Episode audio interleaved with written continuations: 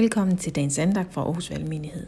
Vi læser det fra 1. Thessalonikerbrev, kapitel 4, vers 1-12. Og der står sådan her.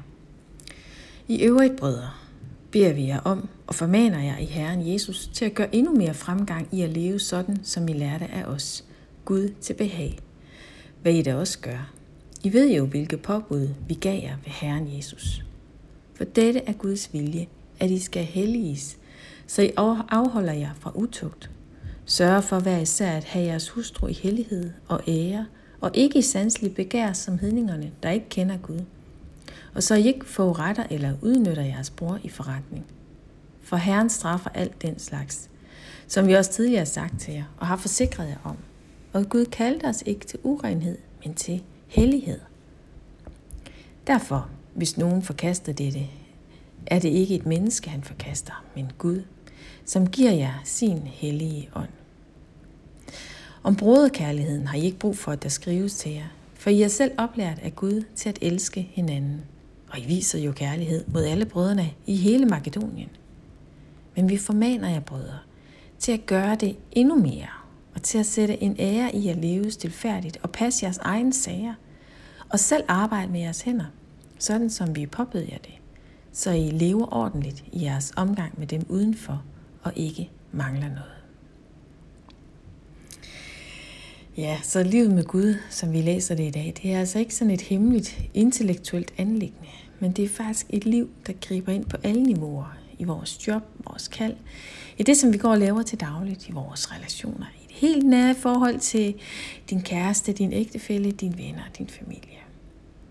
Fordi når Gud flytter ind, når Helligånden tager bolig i os, så starter der et helligt liv. Så starter der en forandring, som gælder alle områder af livet, i alle relationer. Der skal altså være en sammenhæng mellem den indre og den ydre virkelighed. Mellem den frihed og kærlighed, vi får ragt i Jesus Kristus, og så det levede liv. Og Gud selv hjælper os på vej med det her. Når helligånden får plads, når vi opgiver at leve på verdens præmis med os selv i centrum, men lader Gud være Gud. Og gennem alt det, vi er og alt, hvad vi har, giver ham ære. For eksempel ved at behandle vores kæreste, vores ægtefælle med respekt, ved at pleje og værne om forholdet, sætte vores livsledsager højere end alt andet, elske og tilgive. Græsset er ikke grønnere på den anden side af hækken.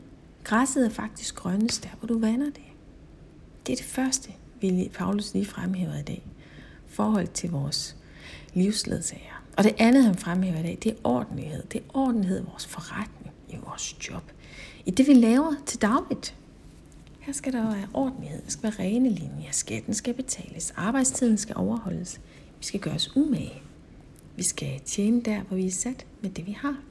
Studiet skal passes flittigt, bøgerne skal læses, din e-mail skal besvares, aftaler skal overholdes. Ordentlighed.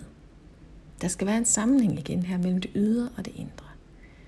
Gud er altså ikke en tjusket Gud. Vores liv skal afspejle ham og hans kærlighed. Og når Gud elsker, så gør han det ordentligt. Og når Gud tilgiver, ja, så gør han det ordentligt. Når Gud siger, at han er med os alle dage, ved du hvad, så er det alle dage. Der er ingen halve løsninger hos Gud. Og det er det, vi udfordres i dag til i vores liv også. Der skal ikke være halvfærdige, halvdårlige løsninger. Men vi skal gøre os umage. Det skal være ordentligt. Og nej, vi kan ikke gøre alting perfekt. Og det bliver vi faktisk heller ikke bedt om, men vi bliver simpelthen bedt om at gøre os umage. Vi bliver bedt om at tage imod Guds hellige ånd, når han flytter ind, og bliver bedt om at give plads til forandring. Fordi vi tjener en hellig Gud, både på indersiden og på ydersiden. Lad os bede sammen. Ja, Helligånd, tak, at du flytter ind hos os, og at du flytter ind og gerne vil fylde alt i os ud med dit hellige nærvær.